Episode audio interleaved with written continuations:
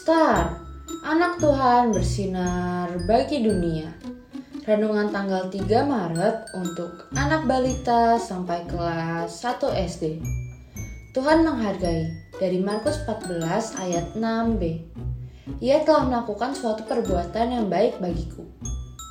Mentari sedang asik bernyanyi. Tiba-tiba papa memanggil Mentari. Mentari, tolong ambilkan lem dong.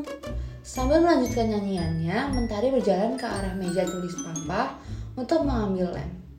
Melayani, melayani lebih sungguh. Ini pak lemnya, kata Mentari sambil memberikan lem kepada papa. Mentari melanjutkan nyanyiannya. Melayani, melayani lebih sungguh. Mentari, tolong bantu mama menyiram tanaman di halaman ya.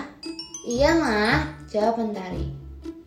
Mentari pun segera menyiram tanaman di halaman rumah, sambil terus bernyanyi dengan senangnya. Melayani, melayani lebih sungguh. Melayani, melayani lebih sungguh. Mentari, kamu dari tadi senang sekali.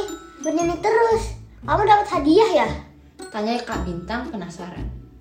Iya kak, aku senang sekali karena bisa melayani di rumah. Kata Kartini, Tuhan senang kalau kita bisa membantu papa, mama, kakak, opa, oma. Itu adalah pelayanan. Tuhan menghargai pelayanan kita tahu kak, yang kita lakukan dengan tulus. Gitu kak Bintang. Adik-adik, apa yang bisa adik-adik lakukan di rumah untuk saling melayani? Yuk kita saling melayani. Mari kita bersatu di dalam doa.